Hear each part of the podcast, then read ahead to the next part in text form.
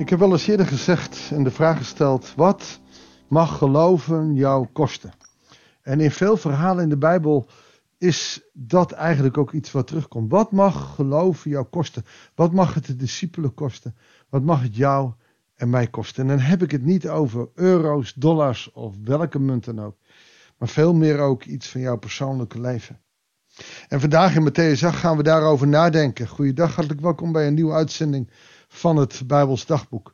We lezen Matthäus 8, vers 23 tot en met 34. Hij stapte in de boot en zijn leerlingen volgden hem.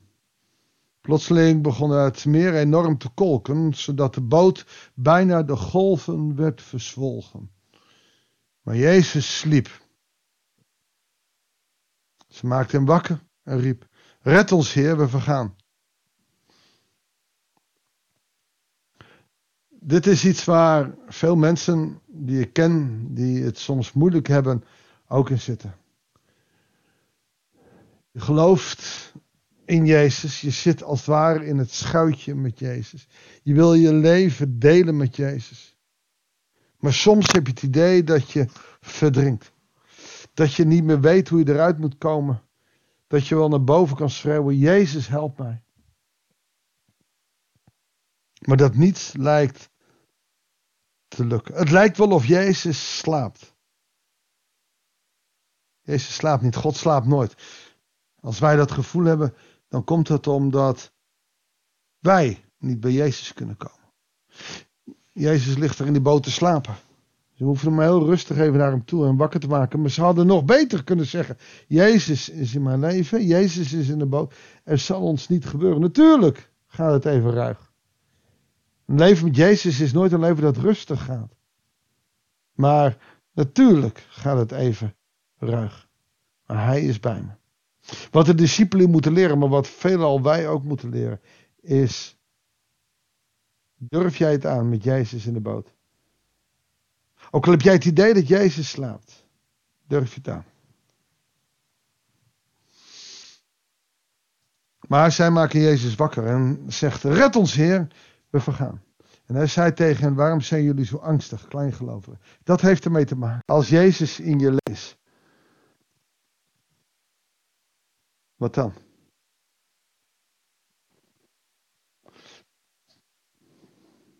Stond hij op en wind en water bestraffen toe. En het meer kwam geheel tot rust. De mensen waren stom verbaasd en zeiden, wie is toch deze mens? Dat zelfs de wind en het water hem gehoorzamen. Ze komen hier tot ontdekking dat die rabbi wie ze volgen een enorm machtige rabbi is. Niet zomaar iemand die wat komt vertellen waarin je over Jezus komt vertellen, maar echt iemand die ertoe doet.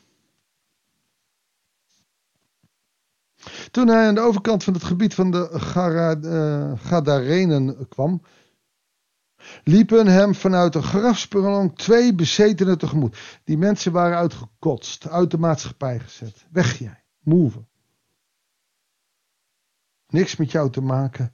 Als je iemand hebt die bezeten is. Als je hebt iemand die ziek is, die zet je uit de maatschappij. Uit het dorp. En ze moesten in de schrotten en spelonken wonen. Hier ook twee. En ze begonnen te schreeuwen, te roepen. Wat hebben we met jou te maken, zoon van God? Ben je hier gekomen om ons pijn te doen nog voordat de tijd daarvoor is aangebroken? Ze hadden nog plannen met deze twee mannen. Ze zouden ze goed sarren en door hen ook anderen. En nou komt daar die Jezus. En zij weten wel wie het is, dat is de zoon van God.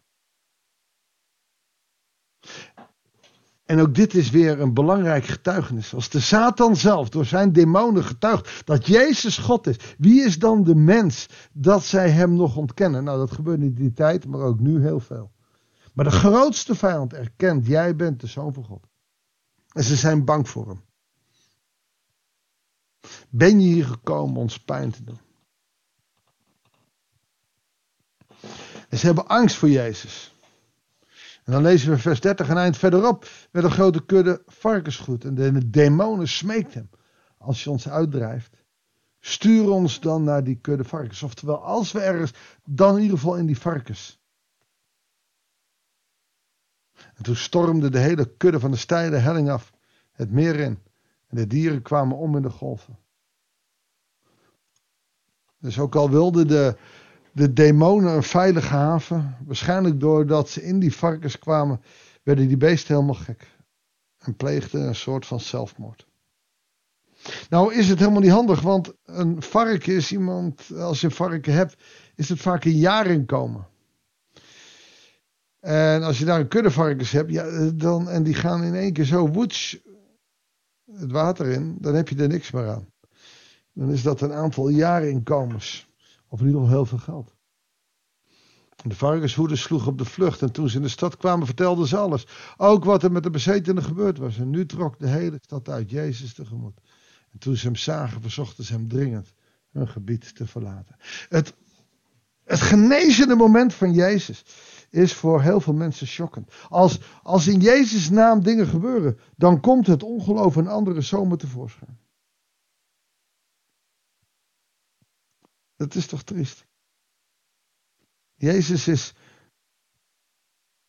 Jezus is een God die zo sterk is dat, dat de demonen angstig voor hem zijn. En hier, hier komen de, de dorpelingen die gehoord hebben ook. Ze hoorden niet bij Israël, het is het huidige Jordanië, hij zit aan de overkant van het meer. En, en we lezen het wel vaker in de Bijbel dat mensen vol ontzag zijn voor die God van Israël en daar niks mee doen, maar zodra ze in aanraking komen of angstig worden of knielen. Denk maar eens aan wat Jona gebeurt. Die moest naar Nineveh, nog verder van Israël af. Ze hadden gehoord van die God van Israël. En nu werd er hel en verdoemenis over uitgesproken. En, en, ze, en, ze krijgen een tweede kans. Offeren aan God. Je ziet het steeds vaker. In de Bijbel, God die, die zoveel ontzag inboezemt. Maar in het hele Oude Testament staat ook dat men ontzag had voor de Heer. Mijn grote vraag, en dat blijft een vraag, ik heb daar geen antwoord op. Krijgen we in Nederland weer ontzag voor God? Voor zijn kracht, voor zijn macht en majesteit? Oh, ik weet wel wat dingen. Allereerst zou ik de kerken willen oproepen om eens op te houden met die nonsens en elkaar te erkennen. Ook al beleven we het geloof wel anders er zijn. Ik wil kerken oproepen om de taal van de tijd te spreken. En niet te zeggen, wij zijn de kerken, ze moeten maar naar ons luisteren. En that's it. En zo zijn er nog wel meer redenen. Maar hoe kunnen wij als kerk, als christenen in deze tijd, mensen vol ontzag voor God laten leven? als kinderen hun vader en hun moeder al je en jij en Piet en, en, en, en, Lies noemen. Hoeveel te meer is het moeilijk om ontzag voor God te krijgen. Als er iets ernstigs gebeurd is, is het toevallig of de wereld, maar nooit schrijven we iets aan God toe. Het is wetenschappelijk te verklaren en anders is het er niet.